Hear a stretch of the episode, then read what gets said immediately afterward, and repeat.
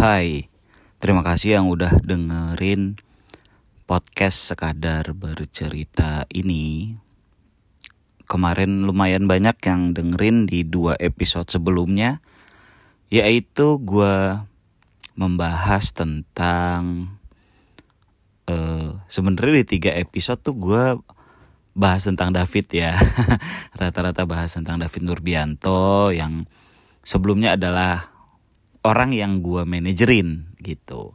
Yang juga teman dekat gue atau sahabat gue uh, thank you Pit. Jadi banyaknya. Dan David juga selalu ngeri ngeri post story gue gitu. Jadi alhamdulillah banyak juga yang dengerin gitu di dua dua episode terakhir gitu. Kan ada yang gue bahas tentang pengalaman horor gue di rumah David tapi itu kayaknya nggak begitu banyak Terus ada ya banyaknya bukan yang ratusan atau ribuan sih, tapi puluhan listener. Jadi menurut gue itu banyak ya untuk podcast yang seperti ini. Dan juga kemudian bahas tentang perjalanan gue manajerin David dari awal sampai akhirnya gue resign dari Comika. Terus episode yang sebelum ini persis adalah tentang talent-talent gue gitu. Eh tapi gue kayaknya udah nggak nggak mention David lah eh masih masih ada gue omongin tapi tidak gue mm, mention di story itu tentang uh, ke David gitu. Tapi maksudnya efeknya lumayan gitu dan gue postkan di story Instagram dan juga di Twitter gitu. Nah yang sebelum ini kan gue bercerita tentang talent-talent yang saat ini gue manajerin gitu. Jadi ada Randika Jamil, ada Diki Divi, ada Rahman Afri, dan ada Yuda Brajamusti gitu. Tapi kayaknya di episode ini gue nggak membahas itu lagi. Mungkin akan dibahas lagi di episode selanjutnya atau bahkan gue ngobrol-ngobrol sama mereka gitu. Tapi itu next lah ya. Kali ini gue tuh pengen ngebahas tentang keadaan saat ini ya. Ini kan sekarang tuh situasinya cukup genting gitu. Jadi kayak PSBB yang awal banget dulu yang emang kita bener-bener nggak boleh ke mana-mana gitu. Yang mana memang selama tiga bulan awal PSBB itu gue nggak ada kerjaan sama sekali gitu. Walaupun gue masih di Comika ya gitu dan nama Mas Panji memang tidak ada yang dikat gitu. Itu gue masih ada pemasukan lah dari dari PT Comika waktu itu. Ya terima kasih juga Mas Panji dan Comika. Nah sekarang tuh kan situasinya PM eh PP PPKM PPKM darurat ini kan seperti PSBB awal ya benar-benar di eh, hampir lockdown lah ya karena kalau di Indonesia kita tidak mungkin lockdown seperti negara-negara lain. Jadi gua itu di rumah dan nyokap juga emang nggak ada uh, ke mana-mana nggak nggak main nggak apa apalagi nyokapnya nyokap juga udah tua. Palingan ke mana sih dia? Ke warung. Kalau emang ada yang perlu dibeli gitu. Gua keluar juga palingan beli makan atau ke minimarket gitu ya yang memang harus gua beli gitu. Karena kalaupun bagusnya adalah gini kalaupun orang mau keluar untuk nongkrong itu nggak bisa. Karena nggak boleh dine in tuh nggak boleh gitu. Jadinya ketika lo mau nongkrong ide itu udah pasti dipatahkan karena lo nggak bisa nongkrong gitu. Yang punya usaha juga patuh kan rata-rata juga patuh walaupun mungkin ada aja yang sembunyi-sembunyi atau ada yang bandel mungkin ya mungkin ada gitu. Tapi kalau sekarang kan enggak jadi ya udahlah kita di rumah aja gitu. Kan sampai tanggal 20 Juli ya. Semoga tidak diperpanjang yang mana berarti doanya adalah semoga dengan PPKM darurat ini angka COVID ini jauh menurun bener-bener uh, efektif gitu ya PPKM-nya. Gua ngerasain banget ketika PPKM hari pertama itu tanggal 3 Juli. Uh, hari Sabtu ya berarti jadi abang gua, abang gua yang paling tua namanya Wisnu, Wisnu Handoko. Pak Wisnu ini beliau saat ini menjabat sebagai GM atau General Manager di Hotel Akasia Jakarta. Tempatnya di Jalan Salemba, Jakarta Pusat. Deket sama rumah gua gitu. Rumah gua kan di hutan kayu kan. Gua tinggal lewat Jalan Pramuka, naik flyover, masuk ke Salemba, muter balik di Jalan Keramat, terus nyampe deh di Hotel Akasia gitu. Kalau normal cuma gitu doang. Nah, gua harus ke sana. Eh, iya, gua harus ke sana karena nyokap itu. Jadi gini, gua dan nyokap itu selalu dikirimin vitamin namanya Zegavit dari abang gua. Abang gua itu kerja di PT Enceval. Enceval itu distributornya hmm, Kalbe Pharma gitu. Yang mana itu uh, produk kesehatan ya. Dan kami selalu dikirimin sama bang gue jadi kalau misalnya kayak di kalau uh, tinggal satu strip bilang sama mas nanti mas kirimin lagi satu box gitu. Satu box isi 10 strip kalau nggak salah. Dan kami uh, nyokap tuh sering dikirimin sama abang gue yang ketiga maksudnya abang gue yang ketiga yang di Encephal itu. Nah nyokap tahu nih abang gue saat ini lagi abang gua nggak nggak nggak nggak nggak kena covid tapi memang lagi demam aja badannya lagi lagi ngedrop gitu. Tapi beliau udah swab test dan hasilnya negatif gitu. Nah gua harus ngirim vitamin itu. Jadi ada sekitar berapa strip ya yang dikasih sama nyokap tuh jadi memang nyokap mau ngasih vitamin itu ke abang gue yang uh, Mas Wisnu ini Bapak Wisnu ini. Karena beliau GM jadi biar keren aja Pak Wisnu. Jadi nyokap mau ngirimin vitamin Zegavit ini untuk Pak Wisnu. Gua order Grab dan Gojek. Nggak ada yang ngambil. Hmm, ada Gojek kalau nggak salah ngambil akhirnya. Tapi ketika gue lihat lama banget nih gitu. Di mapnya aplikasinya tuh lama banget. Terus gue lihat yang terbaru dia udah maksudnya uh, kon, uh, apa ya posisi terbarunya si driver ya itu dekat rumah gue kayaknya dia kena portal kayaknya. Terus abis itu ke cancel gitu. Yang mana gue harus nyari lagi gue nggak tahu ya mas tuh udah deket nih gitu. Dia tuh dari Matraman. Lumayan loh gitu. Ke sininya kok malah jadi di cancel gitu. Mungkin males karena di portal dan lain-lain gue nggak tahu. Yang jelas di cancel sama si drivernya gitu. Abis itu ya udah gue pesen lagi. Nggak dapat dapat pokoknya grab gojek nggak dapat dapat kan pemilihannya kalau grab iya grab express gojek itu gosen kan. Nggak ada yang ngambil. Akhirnya ya udah gue bilang mau nyokap biaran dia aja deh yang nganter langsung gitu. Kan deket. Ya udah akhirnya gue ke sana yang gue bingung adalah ketika gue naik ke flyover jadi di jalan Pramuka itu ketika perempatan Matraman dan Salemba itu kan ada dua flyover ya. Ini dari jalan Pramuka nih setelah pasar burung nih yang banyak jual alat-alat kesehatan yang sekarang macet banget karena orang pada ke sana naruh mobilnya malah di jalanan ketika naik kalau lurus itu yang ke arah metropol ke arah Jalan Diponegoro. Nah ini ke kanan yang ke arah Salemba ya, si flyover ini. Gue ngeliat yang ke arah kanan kok macetnya dari pas mau naik gitu. Pas mau naik flyover ke kanan itu udah macet. Gue aneh banget gitu. Tapi gue harus ke sana kan. Gitu. Akhirnya ya udah deh gue sambil sambil nyari macetnya macet karena apa nih gitu gue masuk ke Salemba udah macet banget udah mana itu siang hari panas salahnya gue pakai sendal terus ternyata ketika masuk ke Salemba itu kan ada lampu merah pertigaan yang dari arah kiri itu yang one way itu dari RSCM atau dari metropolnya RSCM itu jadi tembusannya jalan di Ponorogo itu yang di pertigaan itu nah di pertigaan itu kan kalau lurus sebelah kanan itu UI UI Salemba nah itu jalurnya ditutup satu-satunya jalur yang bisa dilewatin hanya busway gitu. Bukan jalur busway ya. Busway atau Transjakarta busway. Gua nggak mau nyebut jalur busway karena salah gitu. Kan udah jelas busway, jalanan bus atau jalur bus gitu. Kenapa jadi jalur-jalur bus gitu.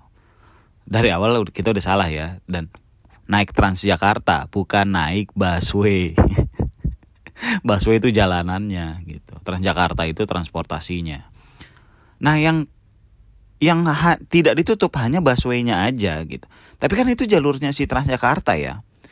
Tapi gue ngeliat walaupun ditutup yang ke apa jalanan Salembanya itu orang pada tetap lewat gitu. Jadi gue gua agak bingung nih, ini ditutup tapi masih bisa dilewatin asalkan lewat busway-nya gitu tapi bukan lewat busway terus kita terusin enggak kita lewat busway dikit abis itu masuk ke jalan uh, Salembanya lagi gitu. Abis itu lancar deh tuh. Macetnya cuma di situ doang. Parah gitu macetnya. Ya ya macet banget gitu. Apalagi kan itu dari jalan Matraman dari arah uh, apa namanya Manggarai dari arah Pramuka pada ke sana semua gitu.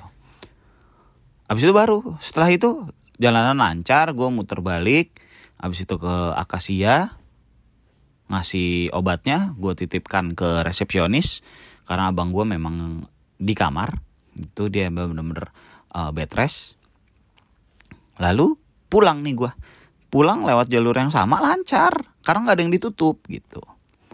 Itu di hari Sabtu.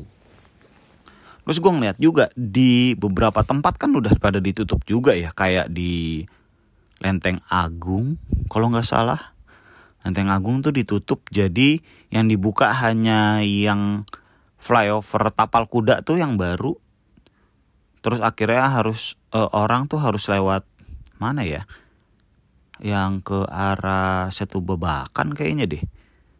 Jadi nggak bisa lurus yang ke arah pasar minggunya gitu. Nah kalau dari arah pasar minggu gue nggak tahu tuh um, ditutupnya di mananya gitu.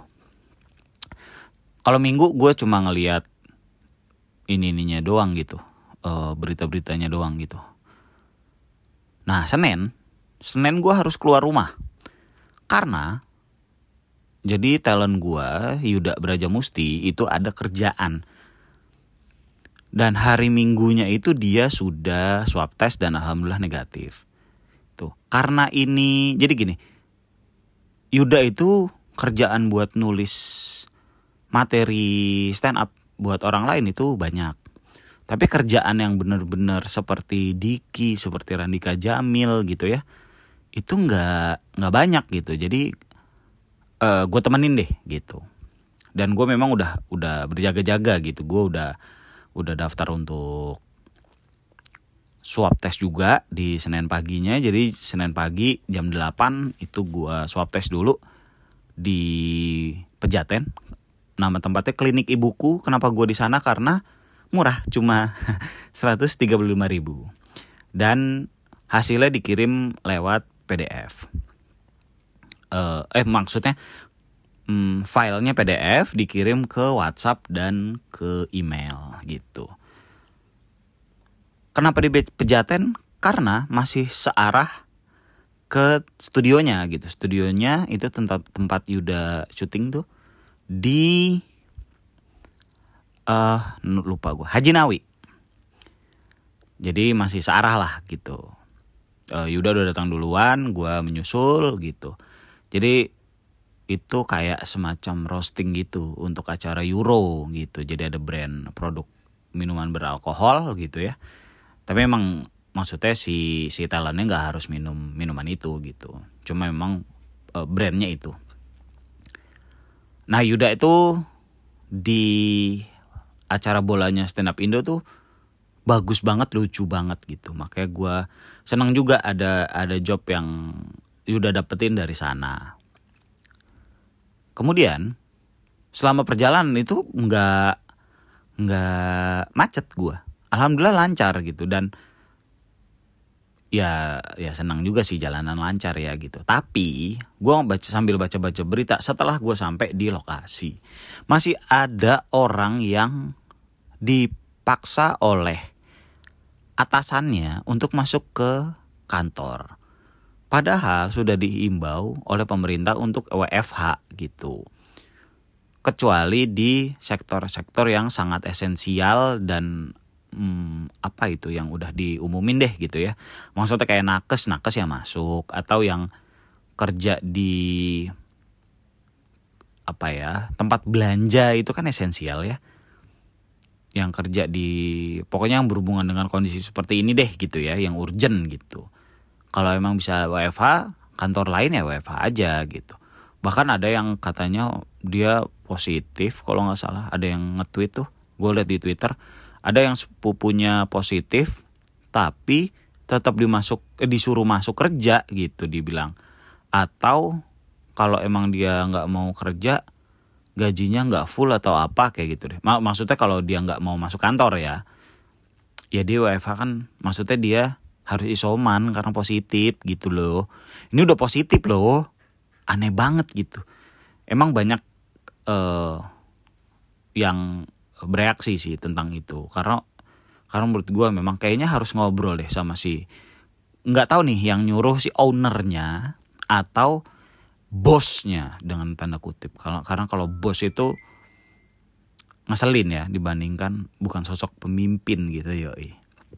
Bos tuh biasanya memang bosi gitu. Ngeselin dah pokoknya. Nah terus kalau menurut gue memang harus ngomong langsung. Atau datang aja ke kantor, ketemuin si orang yang nyuruh apa eh nyuruh masuk kantor, masuk ke ruangannya, ngobrol deketan sambil buka masker. Terus bilang, "Gua positif." Sambil muncrat-muncrat dah ngomongnya. Biar dia yang mati.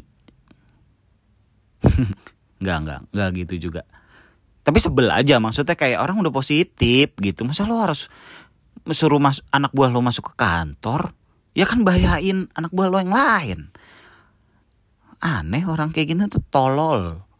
Bingung gue gue calon istri gue juga uh, jadi ownernya itu orang Polandia.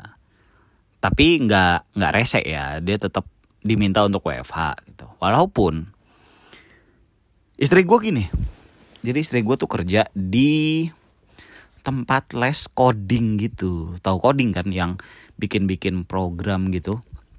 Yang mana itu dari anak kecil sampai orang dewasa bisa gitu. Dia sebagai marketingnya. Calon istri gue ini ngambil libur itu di hari Selasa dan Rabu. Tapi di Selasa dan Rabu itu tidak seperti hari libur. Karena dia di rumah pun tetap ngurusin klien gitu. Karena kalau misalkan nggak direspon pasti marah, ya kan? Tuh, jadi gue ngerasa istri gue kok calon istri gue ini kerja setiap hari. ya tapi dia dia dia sih enjoy ya gitu. Uh, cuma kadang gue kesian aja gitu.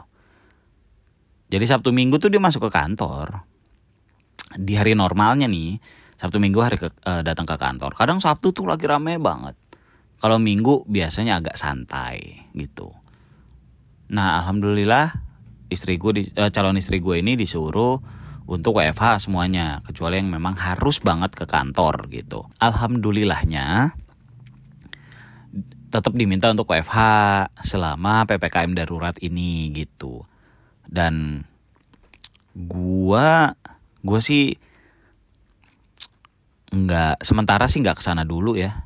Nggak ke rumah dulu nggak ke rumah calon mertua gitu. Karena untuk ngejaga aja gitu. Takut gue jadi carrier kan. Karena yang sekarang kan variannya katanya jauh lebih mudah menular gitu. Jadi lebih baik kita jaga-jaga dulu deh gitu. Ntar biasanya kan kalau misalkan lama nggak ketemu pas ketemu lagi kan gimana gitu kan melepas rindu.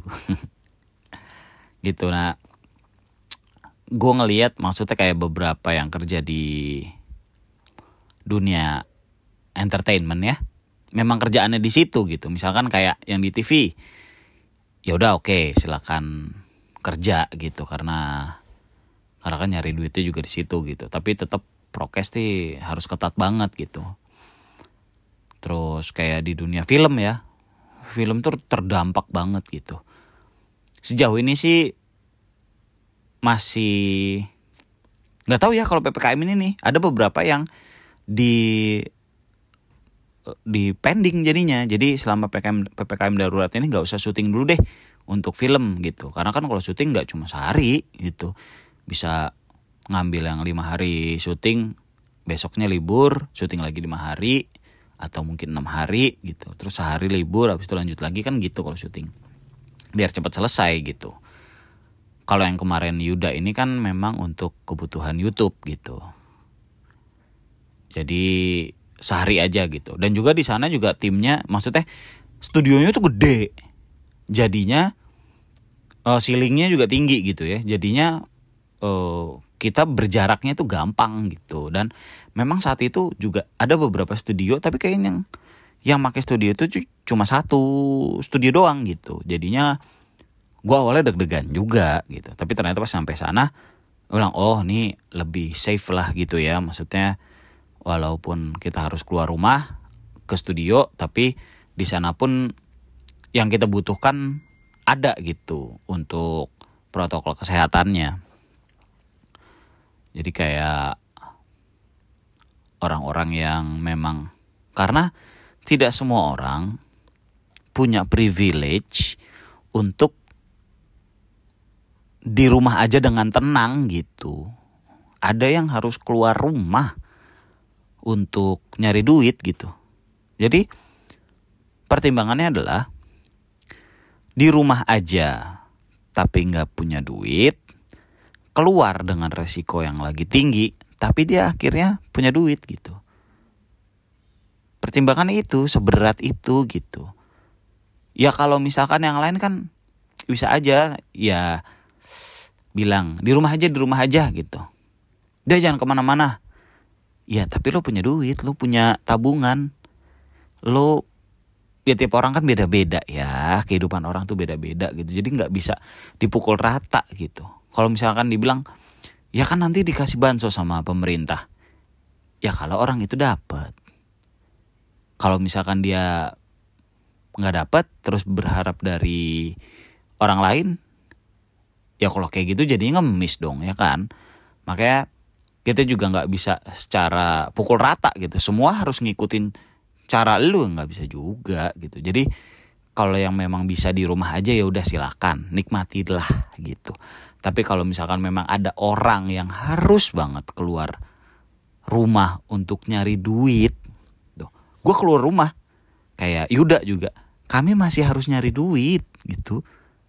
Dengan resiko seperti itu gitu. Walaupun memang kami tidak menyepelekan gitu. Kami tetap taat prokes gitu. Apalagi kalau ada prokes yang ketat ya alhamdulillah gitu. Kami tidak menyepelekan tapi memang kami harus keluar rumah untuk nyari duit gitu bukan berarti kami ngeyel gitu.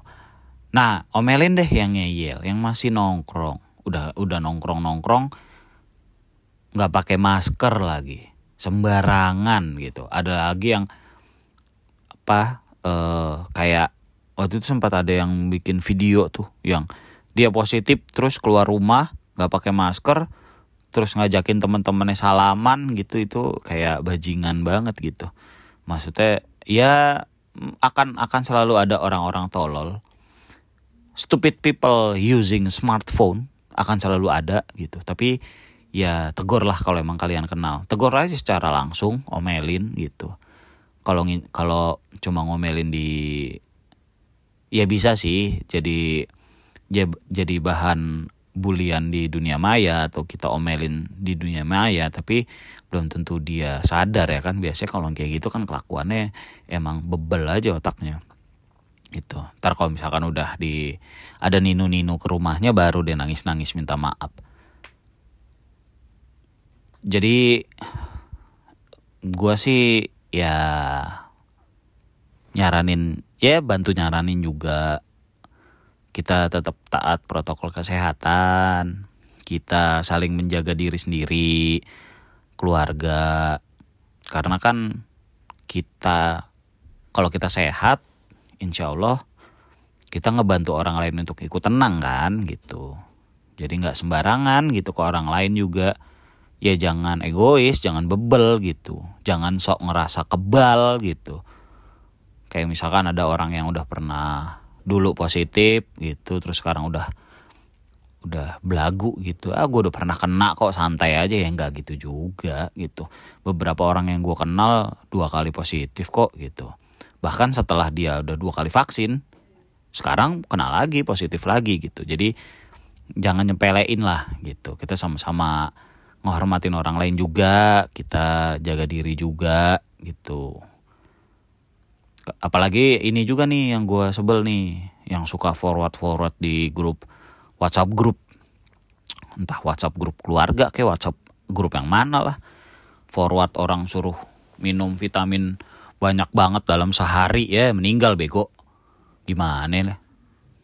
Dan juga eh, maksudnya info, informasi yang di forward di grup kan bukan dari belum tentu dari orang langsung gitu. Kita nggak tahu asal asalnya dari mana gitu dan banyak bantahan dari dokter ya. Mendingan kalau lo bingung tanya sama dokter. Itu mengenai kesehat kesehatan tanya sama dokter gitu. Makanya ada yang posting tuh kalau nanya tentang sholat tanya sama ustadz. Kalau nanya tentang kesehatan tanya sama dokter. Jangan dibalik gitu. Ya benar tuh. Jadi kalau misalkan emang dia itu ahlinya di bidang agama jangan langsung dipercaya dia mengenai kesehatan gimana sih gitu. Kecuali emang dia pemuka agama dan dokter gitu. Tapi sebagai dokter juga jangan sampai menyesatkan.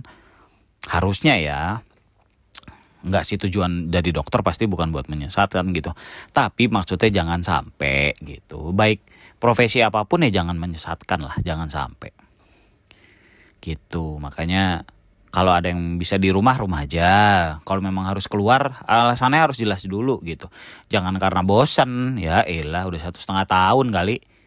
Karena kemarin sempat keluar keluar juga. Sekarang cuma diminta berapa hari sih? 17 hari gitu. Nggak usah pakai alasan bosan lah. Eh 18 hari ya? 3 sampai 20 Juli. Iya. 18 hari doang. Itu biar angkanya turun gitu loh. Maksudnya kayak apa susahnya sih? Elah kalau misalkan emang lo masih punya duit ya udah di rumah aja yuk gitu. Kalau tidak urgent urgent banget gitu. Gue ngerti maksudnya orang pasti mau keluar rumah gitu. Ya udah keluar rumah aja. Olahraga di sekitar rumah berjemur gitu. Minum vitamin jangan kebanyakan. Makan makan sehat gitu. Bukan makanan yang mahal ya banyak emang yang menyediakan makanan sehat harganya mahal gitu. Tapi kita makan yang sehat kan nggak harus mahal, maksudnya yang kita bisa beli di pasar seperti biasa terus masak di rumah kan juga bisa menyehatkan gitu. Dan ya semoga semoga ini cepat berakhir ya gitu. Gue juga turut berduka karena banyak banget berita duka sekarang. Lebih banyak berita duka dibandingkan berita gembira gitu beberapa hari yang lalu om gue meninggal. Meninggalnya karena memang om gue tuh udah dua tahun terakhir tuh tidak bisa beranjak dari tempat tidurnya. Beliau itu kena ada penyakit gula lah ya. Hmm, orang orang kampung banget bilangnya penyakit gula. Ya ada gue bingung kalau misalkan bilang diabetes takut salah malah. Karena dibilangnya gitu dua tahun punya penyakit gula gitu dan memang di di ini nama keluarganya lah diurusin sama keluarganya sama sama tante gua sama sepupu gua. Ketika beliau meninggal tuh waduh bener-bener menguras emosi banget untuk keluarga ya gitu. Apalagi pada akhirnya harus dimakamkan secara protokol covid gitu. Udah mana kayak ambulan dan peti matinya kita harus bayar lagi gitu. Tapi ya biar nggak ribet kan biar maksudnya biar nggak bukan biar nggak ribet biar cepet deh gitu. Karena om gue tuh udah rapi dari pagi gitu. Udah bener-bener di udah di udah di udah, udah dimandiin udah dikafanin udah udah rapi dah gitu. Tapi baru dimakamin jam 5 sore gitu. Kan kesian ya pegel dia. Ah maaf nggak masuk dark joke. Ya ya ya. Ya tapi kan kasihan maksudnya udah meninggal tapi nggak dikubur-kuburin gitu kan maksudnya. Kalau di Islam kan harus segera dikuburin gitu dimakamin gitu. Ya cukup ribet juga sih kemarin makaminnya tapi alhamdulillah udah beres gitu. Dan maksudnya gue juga turut berduka untuk beberapa baik public figure ataupun keluarga kalian yang mendengarkan podcast ini yang yang meninggal karena covid gitu ya. Maksudnya udahlah nggak usah. Kita tunjukin empati kita juga lah nggak usah kayak jering kelakuannya gitu. Semua orang diserang gitu terus kayak orang nggak punya empati udah kayak orang tolol gitu janganlah. Uh, eh, gue nggak benci orangnya tapi gue benci kelakuannya aja gitu. Jangan kayak gitu maksudnya udah ada orang yang mati karena covid loh. Bukan karena di covid kan. Bukan karena di endorse covid. Orang tuh kalau di endorse tuh dapat duit. Dapat sesuatu yang menyenangkan gitu. Bukan dapat yang mati gitu. Orang di endorse biar apa? Biar mati lah tolol. Gimana? Maksudnya nggak jalan gitu otaknya. Maksudnya ya kita pakai juga lah otak kita akal sehat kita hati nurani kita gitu. Bisa berempati kepada yang lain gitu e, gitu aja deh pokoknya ayo kita sehat-sehat semuanya kita jaga kesehatan kita kita jaga kesehatan orang-orang yang kita sayangin gitu. Kalau bisa di rumah di rumah aja. Kalaupun memang harus keluar rumah pakai masker double ya gitu. Dan juga selalu bawa hand sanitizer kalau nggak bisa ketemu air dan sabun gitu. Pokoknya yang penting semoga covidnya juga segera selesai segera enyah dari muka bumi ini dan kayak Singapura jadi biar covid tuh udah jadi kayak flu kayak dulu gitu. Kayak dulu kan pernah ada wabah flu sekarang udah jadi penyakit yang oke okay, gitu udah biasa aja gitu karena imun kita naik kita udah divaksin juga gitu pokoknya. Dan juga kalau misalnya memang ada dapat jatah vaksin gunakanlah karena itu buat kesehatan kita bersama gitu uh, makasih uh, maaf maaf kalau banyak kata-kata kotornya. Maaf banyak kata-kata kasarnya banyak gua keselnya gitu karena memang berasa kesel juga gitu. Pokoknya uh, gitu aja. Uh, terima kasih yang udah dengerin. Dah